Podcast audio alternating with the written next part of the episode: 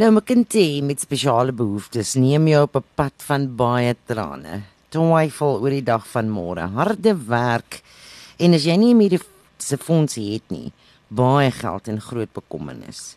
Nou ek het vir Kyla Bekes gevra om by ons aan te sluit om ons meer van haar reis met haar seentjie en haar projek na sy geboorte te vertel. Nou Kyla is 'n gewone mamma wat na baie trane en bekommernisse opgewonde en 'n opgewonde geraak het oor 'n ongewone situasie. Sy het hierdie situasie in beide hande stewig vasgevat om 'n verskil te maak en dit in baie kinders se lewens. Kaina Bekus is in die ateljee om ons meer te vertel van Warriors on Wheels. Welcome, Kyla. Thanks, Amanda. Thank you, Radio Laugh Out, for the opportunity. Lovely to be here. It's so nice meeting you. Thank you. You've, Same. You've got quite a story. Where did this all start? Uh, How did it start? And Amanda, why? it's uh, 12 years ago, my Yeah. firstborn, Meyer, was born with spina bifida. Oh, um, that left him, uh, well, he's a paraplegic. At the time of his birth, we didn't have medical aid. We were in the private hospital. Um, it was undiagnosed, so that also came as a major shock once he was born. Um, so at the time, not having medical aid, we were then transported to Pretoria, Steve Biko Hospital, where I spent we spent three months in hospital with Meyer. So his first three months of his life was Was in hospital. was in hospital, six operations before he was 12 weeks old. So, um, yeah, that's basically where our journey began. Um, by the grace of God, we got to bring our boy home.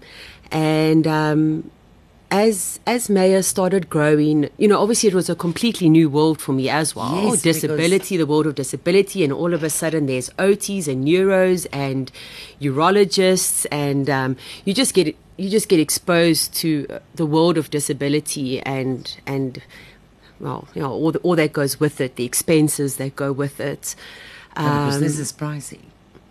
Operations are pricey, doctors are pricey. medical equipment is Yes. pricey um, and you know as as Meyer started you know, obviously once we got back we were in the position we were fortunate we could get Meyer on a medical aid I could get him to OTs I could get him to physios I could get him to the best neurologists and and things like that um, but I never forgot about the moms that I met in hospital So you met a lot of moms. yeah, I mean, you're sitting there for three mm. months.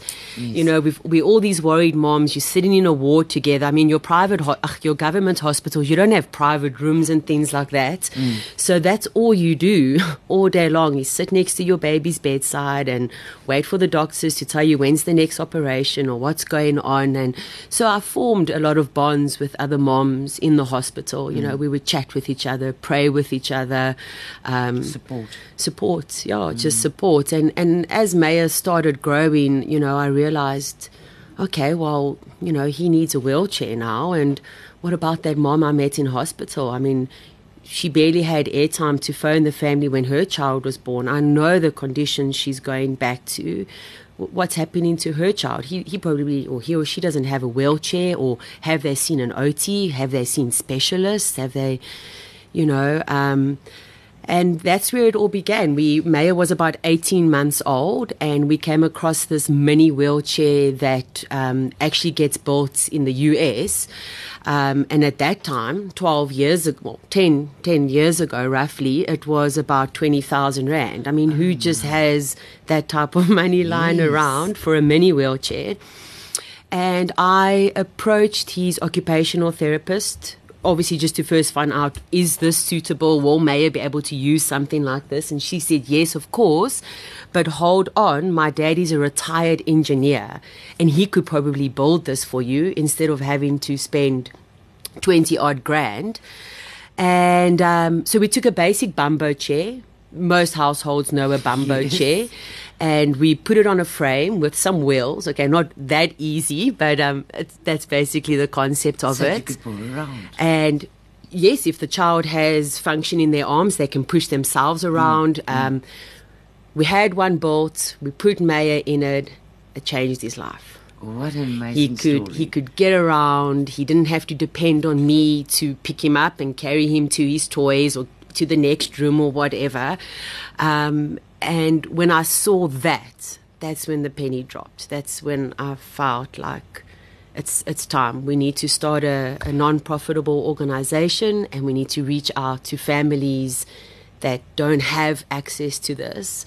So my first call was to the moms that I'd met in hospital and getting back to them and um, yeah, that's where it started. Um, and we registered the Meyer Beukes Warriors on Wheels Foundation in 2013. We just recently, last week, uh, celebrated Meyer's 12th birthday. um, and yeah, the foundation has, as Meyer has grown, so has the foundation, because then came the age to get a pediatric wheelchair. You know, this gets too small, you need your next size. Then came, well, he can maybe try and walk, so we need reverse walkers, or he needs more. Uh, practice standing, so you need standing frames. So, so it's actually so beautiful. this is a constant thing. Yeah, it is a constant thing because the, the child keeps on growing. Their needs change as well. Um, and that's how the foundation also added on to the, the equipment that we assist children with. So we've got standing frames, we've got specialized wheelchairs, we've got just your standard pediatric wheelchairs, standing frames, we've still got the Bumbo mini wheels. I Um, find that beautiful. yeah. and as far as I know, we are still the only um, producers of it in South Africa. Um, but I'm sure, you know, there are families that have tried to build them, build them A themselves. tiny thing like that chair on a frame changes a child's changes life a, li- a child's life. And it also works really good in your um, rural areas because the houses aren't that big mm. and it's a smaller size, so they can get around in you know inside the house still. A lot of your Yes, because you have to think about this now. It's wheelchair now, so there must be space. there needs to be space, and a lot of the homes are one bedrooms, door two bedrooms. must be wide enough. Yeah, and, and things type like that, A, yeah. a ramp to get into the house and out of the house. Yeah. So if you have a, a disabled child, you have to think with a new mindset completely. Yeah, completely. There's there's adjustments to, like you said, your your housing, your movement. How are we going to transport the child? A lot of the moms, you know, things like that makes me want to become an activist. When you hear of taxi drivers, sorry, taxi drivers, but you know, charging the mom an extra fee because there's now a wheelchair on the taxi and, and things like that. So it, it impacts your entire your entire life. Where can you park? Is there wheelchair accessibility into this building? Um, all things like that. Yeah. So that is that is basically the, the niche of the story and, and why we started the Meyer Beukes Warriors on Wheels Foundation. Um, a lot of people, because it's my son's name, no, the foundation is not for him. Let's just make that clear to the listeners He as was well. the one that It- inspired yeah, this. he was the one that inspired it, and um, but the funding goes towards less privileged children that we identify. How many children have you identified so far? Well, just for the new year, um, we've currently got 235 children on our waiting list. That's nationwide. Local, Nelspruit, Mpumalanga, you t- you're looking at KaNyamazane, Matsulu, Numbu, Numbi, Bushbuckridge. We've got 23 children on our waiting list. Um, I've got the privilege to work with Sanele and Sandile that are quite close in the community, and they go around. Um, you know, identifying people for me. And then on weekends, I go out to actually meet the children, meet the families, do uh, the wheelchair me- measurements. Um, you know, we want to make sure we get the, the right equipment for the children, um, something that is useful um, and will benefit them in the long run. Have you got people helping you with this project apart from those two? Uh, no. I, I run the project mainly. Well, I've got a full time job. I work for a um, attorney's firm in Nelspruit, So and do this then in the evening.